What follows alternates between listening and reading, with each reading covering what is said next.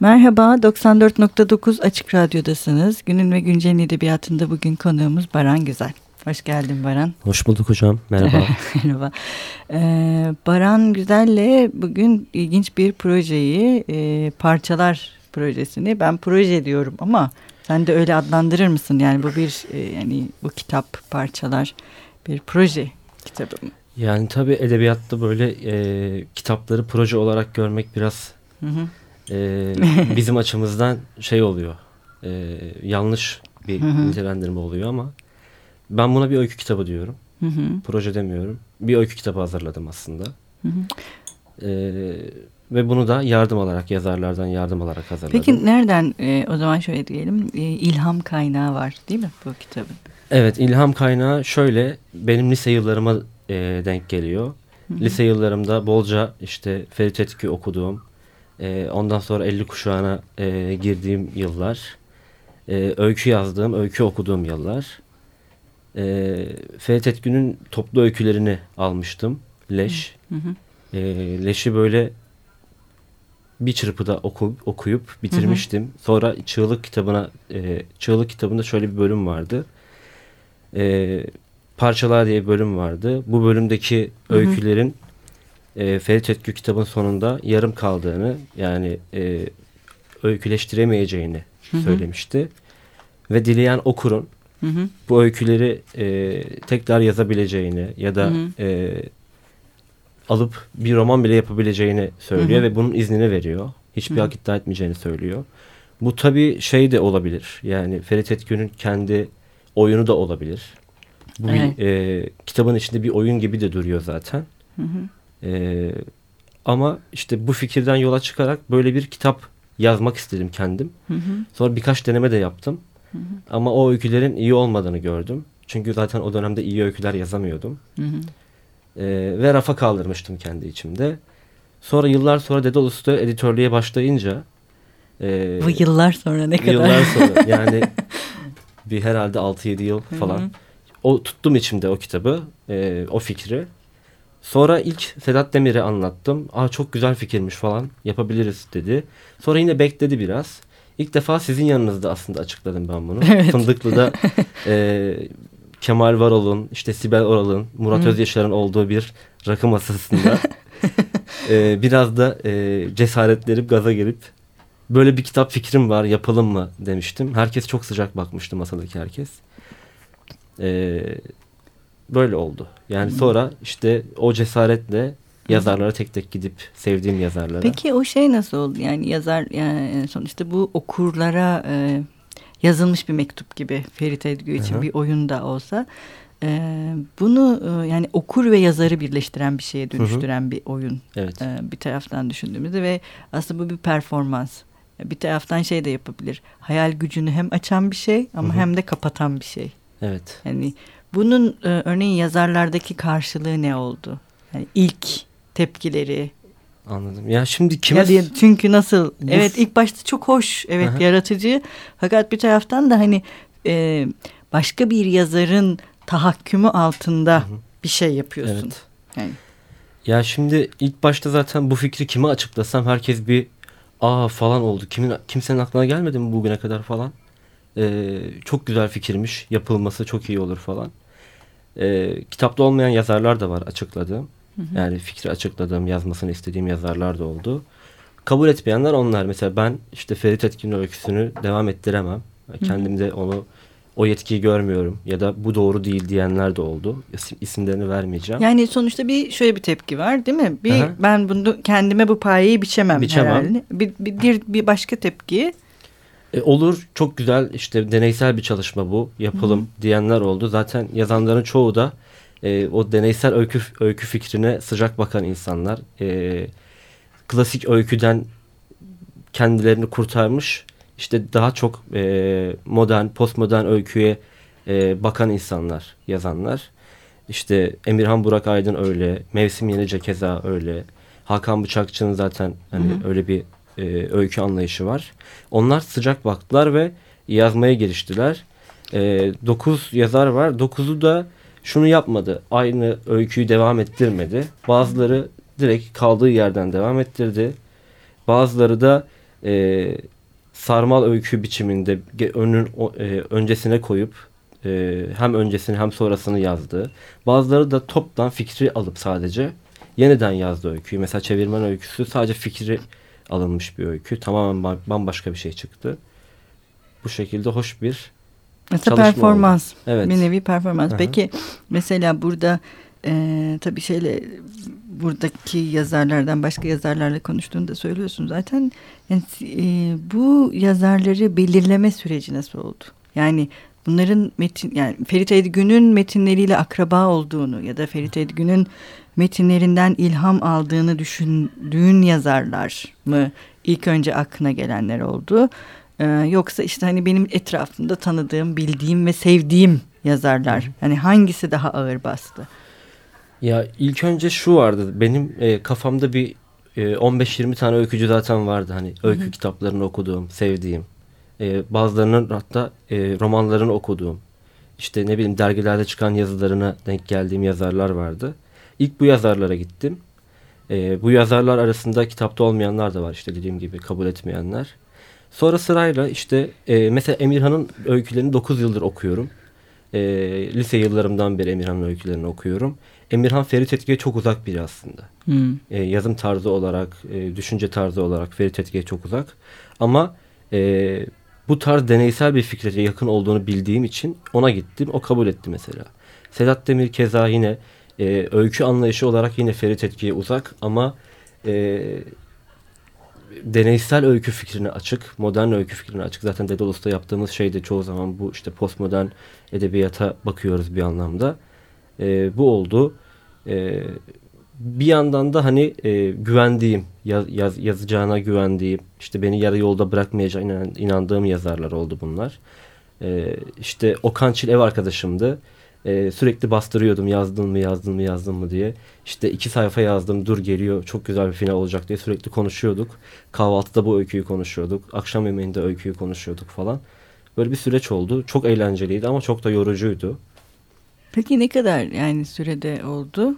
Yani bunu e, bütün bu kitabın e, parçaların ortaya çıkı birleşmesi ne kadar sürdü? Ya bir yıldan fazla sürdü diyebilirim.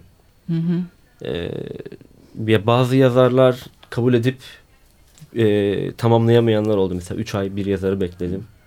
E, ve bir türlü sonunu bağlayamadığını Hı-hı. söyledi. Bir türlü o öykü dünyasının içine giremediğini söyledi ve yarım kaldı mesela. Hı-hı. Sonra başka bir yazar bulmak zorunda kaldım. E, hatta bir hata yaptım. Bir e, bir öykü iki yazara vermişim. E, o mesela çok büyük bir hataydı. E, ikisi de aynı öyküyü yazdı ama birini çıkarmak zorunda kaldık. İşte tabii e, kimsenin kalbini kırmadan konuşarak işte böyle bir durum var falan diye. Çok sancılı bir süreçti benim için ama eğlenceliydi de. Peki mesela metinlere müdahale oldu mu? Ya da o metinlerin e, yazılma süreçlerinden sonra okunma süreçlerinde? E, sadece bir iki öyküde oldu bu. Hani kendi fikrimi söyledim. Ya işte e, yaptığı şeyi e, doğru değerlendiremediğini yani öyküyü doğru kuramadığını söylediğim bir iki yazar olmuştu. E, daha sonra onlarla baya bir hatta şey çekişmeli geçti. Ya hayır ben böyle yaptım yok hayır böyle yap falan. Sonra yazarların dediği oldu. Ama yani sonuçta çok... bu ne olursa olsun Aha. yani bir deneysel çaba, çalışma da olsa Kesinlikle. başka bir yazarın metni. Hı hı. Öyle değil mi? Evet. Başka bir yazarın metniyle e, hali hazırda bugünkü bir yazarın bugünden bir diyaloğa girmesi. Hı hı. Büyük bir ihtimalle zaten Ferit Edgün'ün bunu bir performans olarak düşünmesinin sebebi de bu. Bir Kesinlikle. diyalog. Evet. E, ve burada herkes farklı bir diyaloğa hı hı. giriyor Ferit Edgü'yle. O diyaloglar nasıl gerçekleşiyor? Biraz ondan yani ya da bir diyalog var mı gerçekten? Bu performanslar yani çünkü bu bence bir performans. Mutlaka bunu e, bitirmesi de gerekmez. Alıp birisi Ferit Edgün'ün ya da başka birinin bir hikayesini yeniden de yazabilir. Ya şimdi mesela e, Ferit Edgün'ün böyle çok mesafeli bir dili var. Hı. Hatta biraz soğuk diye de tabir edebiliriz. O e, empatiyi reddeden bir dil. Kesinlikle empatiyi reddeden bir dili var. Pelin Buzluğ'un öykülerinde ise hep şey vardır. Böyle bir sıcak bir yapı Hı -hı. vardır. Mesela Ferit Etkü e, öyküsünü Pelin Buzluk yeniden yazdı. Ve e, bambaşka bir sonla yazdı. Sonunu değiştirdi. Yapısını da değiştirdi ve çok sıcak bir duygusal bir temele oturttu o öyküyü. Yani aslında Ferit Etgün'ün e, öyküsünü reddederek bir öykü yazdı. Hı hı. İşte bu da bir diyaloğun başka bir şekli. Mesela Kerem Işık ise şunu yaptı. O dili korudu Ferit Etgün'ün. Bence bu da zor bir şey. Evet. Ee, doğru mudur yanlış mıdır bilmiyorum. Bu tamamen ona kalmış ya da okura kalmış bir şey. O dili korudu ve aynı dilde devam etti. Gerçekten ben okurken Ferit Etgü yazmış gibi hissettim. Ferit Etgü e, bu öyküyü tekrar devam ettirmiş gibi hissettim. Mesela bu da benim için başka bir e, haz verici bir şeydi kitap için. E, bu şekilde yani herkes farklı bir şey denedi aslında. Peki e, e, yani şimdi bu isimlere baktığımız zaman da bunlar e, işte Okan Çil, Kerem Işık, Cüneyt Yalçın, Hakan Bıçakçı, Pelin Buzluk, Emirhan Burak Aydın, Sedat Demir, Melida Tüzünoğlu ve Mevsim Yenice. Hı hı. E, onların metinlerinden oluşuyor kitap. E, aslında bunların hepsini ortak kesen bir şey var bir taraftan hı hı. bakıldığında. Böyle bir olağanla bir dertlerinin olması. Kesinlikle. Hepsinin bir gerçeklikle bir sorunu var. Hı hı. Gerçeklikten çok olağanla bir evet, sorunu var. Evet olağanla bir sorunu var. Yani Yoksa tabii edebiyatta herkesin kesinlikle. bir sorunu var. Hepsi e, aslında metinlerini gerçek hayat üzerinden kurup o gerçek hayatı e, çok farklı bir şekilde yansıtmayı seçiyorlar. Muhakkak öykülerde bir öykülerinde bir arıza oluyor. Kerem Işık'ın şey pardon e, Bahadır Cüneyt'in mesela romanları var. E, o romanlarını e, farklı bir şekilde kuruyor. Yani günümüz gerçeğinden alıp bir aile bir aile hayatından alıp e, bambaşka bir yere falan götürebiliyor. O yüzden hani bu öyküleri çok kolay bir şekilde kotardılar bence. Çünkü e, başka bir yere götürdüler öyküleri. O Ferit Etgün'ün gerçekliğinden de çıkardılar aynı zamanda. Hı hı.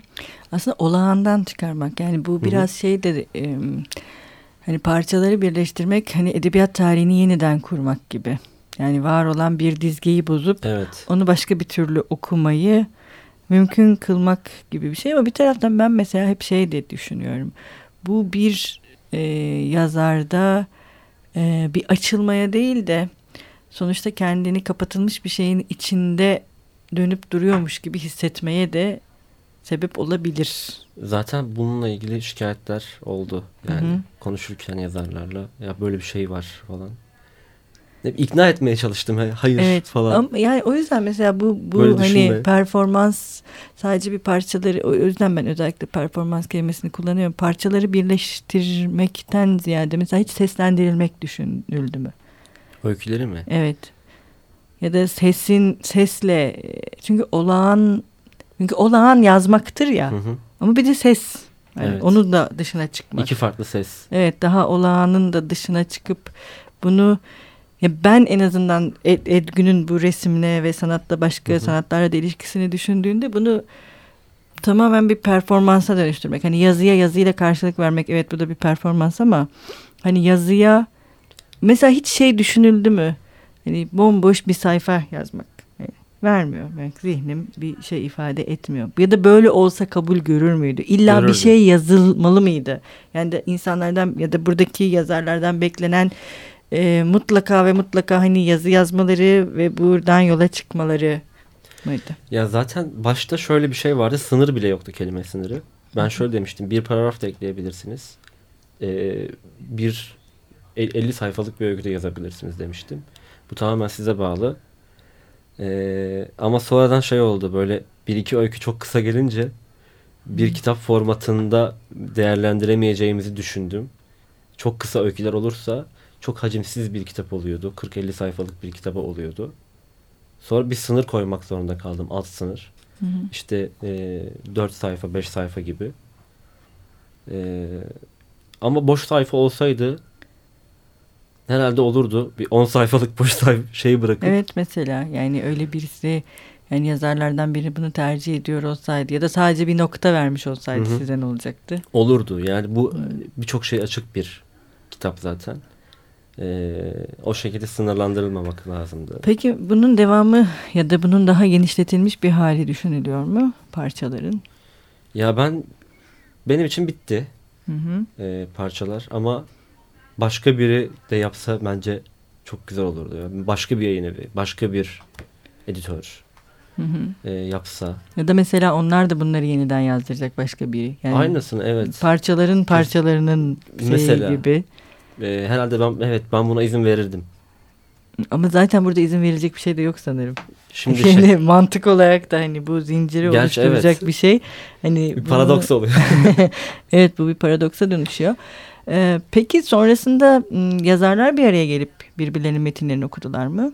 Yoksa kitap yayınlandıktan sonra mı herkes birbirinin metnini gördü? Kitap yayınlandıktan sonra herkes birbirinin hmm. metnini gördü. Bir iki kişi hani önceki metinleri görmek istedi. Hani onlar ne yapmış? Onlar gibi yapmayayım diye. Bir iki metin atmıştım öyle mail üzerinden. Ama kimse birbirinin öyküsünü görmedi onun dışında. Peki o sonrasında parçalar birleştiğinde kendilerini o, orada bir parça olarak hissettiler mi? Bence hissettiler çünkü e, ona o yüzden yani birkaç mesajlaşma oldu. Birkaç yazarla beraber oturduk falan bir şeyler içtik. E, kitap herkesi mutlu etti bence. Herkes ya bu olmuş. Ve mutluluktan ziyade böyle hani sonuçta buradaki metinler bir araya geldiğinde ne oldu? Buna dair onların sonuçta bu kolektif bir şey ve bir derleme değil aslında yani. Ya bizim ortak herhangi bir şey e, günümüz öyküsüyle 50 kuşağını buluşturduk. Hı hı. Çünkü bu kitaptaki Ferit Etgün'ün öyküleri aynı zamanda şey 50 kuşağı e, öyküsünün bir şeyi gibi böyle küçük bir e, maketi gibi aslında. Hı hı. Hani e, temsili gibi. Hı hı. Biz o öykülerle günümüz öyküsünü buluşturduk diye düşündük kendi hı. aramızda. Ya peki yani işte bu, bu bu tabii ki önemli bir çaba ama sonuçta yine de yazarların kendi bulundukları yerden e, bir şeyin parçasını oluşturma hali de bir bütünlüğü de aslında. Hı hı. Yani bu parçalar birleştiğinde ne olacak? Hı hı. Bu parçalar birleştiğinde ne oldu?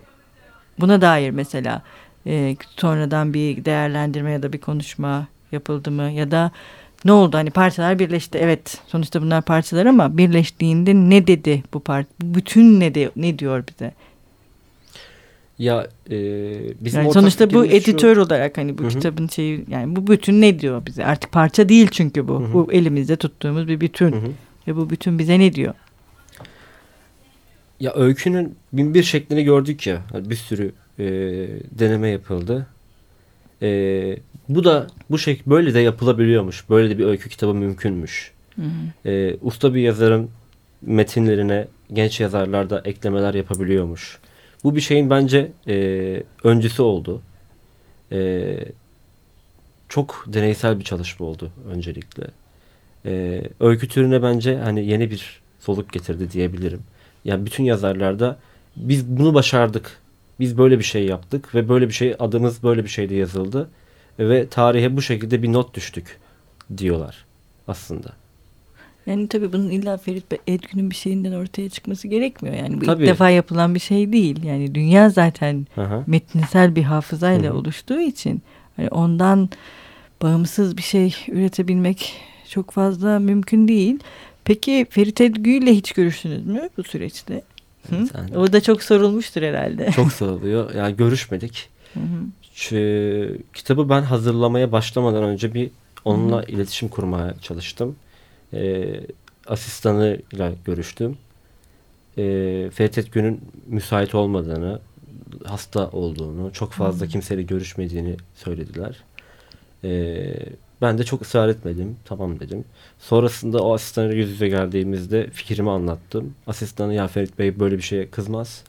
E, e, sorun olmaz bu Ferit Bey için. Ben icazet almak için konuşmak istemiştim. Yapın güzel olur ama Ferit Bey ile şu an görüşemezsiniz. İşte hasta falan demişlerdi. Görüşemedik. Peki, kitap, kitap çıktıktan sonra da görüşemedik. Peki kitabı iletebildiniz mi? İletmedik. Yine asistanıyla konuştum. Ferit Bey aldı dedi. Ha iyi güzel. Alır dedi. Aldı dedi sonra. Hı. Yazarların ee, imzalı Ferit Edgi'ye bir metni. Yok onu yapmadık. Fena bir fikir olmayabilirdi aslında o diyaloğun. Belki hala yapılabilir. ne kadar şey olur bilmiyorum ama. Peki buradaki e, sormak istediğim şeylerden birisi de okurların tepkisi ne oldu? Yani bir sıradan okurun yani tırnak içinde sıradan okurun tepkisi bir de e, yani akademik ya da eleştirel anlamdaki tepkiler ne oldu? Bu sadece deneysel bir iş. Bunu çok ciddiye almayalım mı? çıkmıştır? Yani buradaki olay yoksa... Ya şimdi kitap çıktığında birçok yerde yazılar çıktı. Evet. İşte birçok gazetede, kitap ekinde, Hı hı. e, internet üzerinde yayın yapan dergilerde birçok yerde yazılar çıktı. Herkes, ya bütün yazılarda ortak görüş olarak hani fikrin çok iyi olduğu, öykülerin sağlam olduğu, sağlam kişiler tarafından yazıldığı ve e, kitabın öykümüz için, Hı hı. Türkiye öyküsü için önemli bir kitap olduğu üzerinde duruldu. Hı hı. E, diğer okurlar da çok beğendiklerini işte mesajlarla, e, Instagram'da, Twitter'da paylaştıkları yorumlarla dile getirdiler. Kitap hakkında henüz hiç olumsuz bir şey duymadım. Hı hı. İnşallah da duymam. Peki mesela Ferit Edgün'ün e, kendi kuşağından ya da Ferit Edgün'e daha yakın kuşaktan birisi bu projeye dahil edilme ya da birden çok kuşak mesela olsaydı burada. Evet hani 1950 kuşağıyla bugün öyküsü e, bir diyaloğa girme gibi bir çaba var ama hani birden çok kuşağı bir araya getirmek. Mesela o niye hiçbir fikir olarak ortaya çıkmadı ya da o böyle şey mi gelmedi? Yani sonuçta tabii bu bir tercih Hı hı. ama sonuçta buradakilerin hepsi de bugünün kuşağı değil. Yani Hakan Bıçakçı ile Kerem Işık aynı kuşak Hı hı. değil sonuçta.